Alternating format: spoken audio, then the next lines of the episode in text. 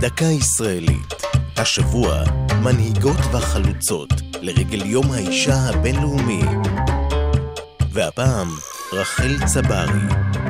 כיום, כרבע מחברי הכנסת הן נשים, השיעור הגבוה ביותר אי פעם.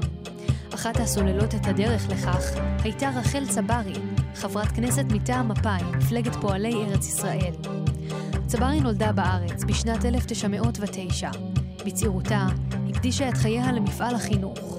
היא עבדה כגננת וכמורה בבתי ספר רבים, נשלחה מטעם הנהגת היישוב לאנגליה ולמדה שם לימודים אקדמיים בתחומי הפדגוגיה. עם קום המדינה מונתה למפקחת מטעם משרד החינוך.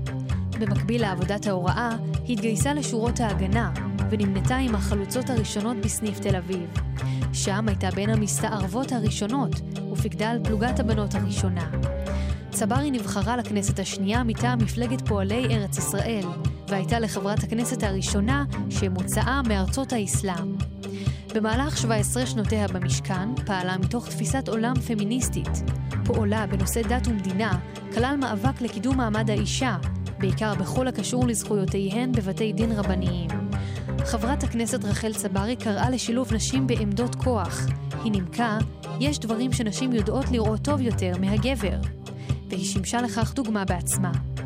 רחל צברי הלכה לעולמה בשנת 95.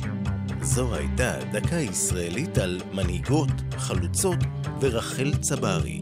כתבה יובל שילר, ייעוץ שביט בן אריה, הגישה נועם גולדברג.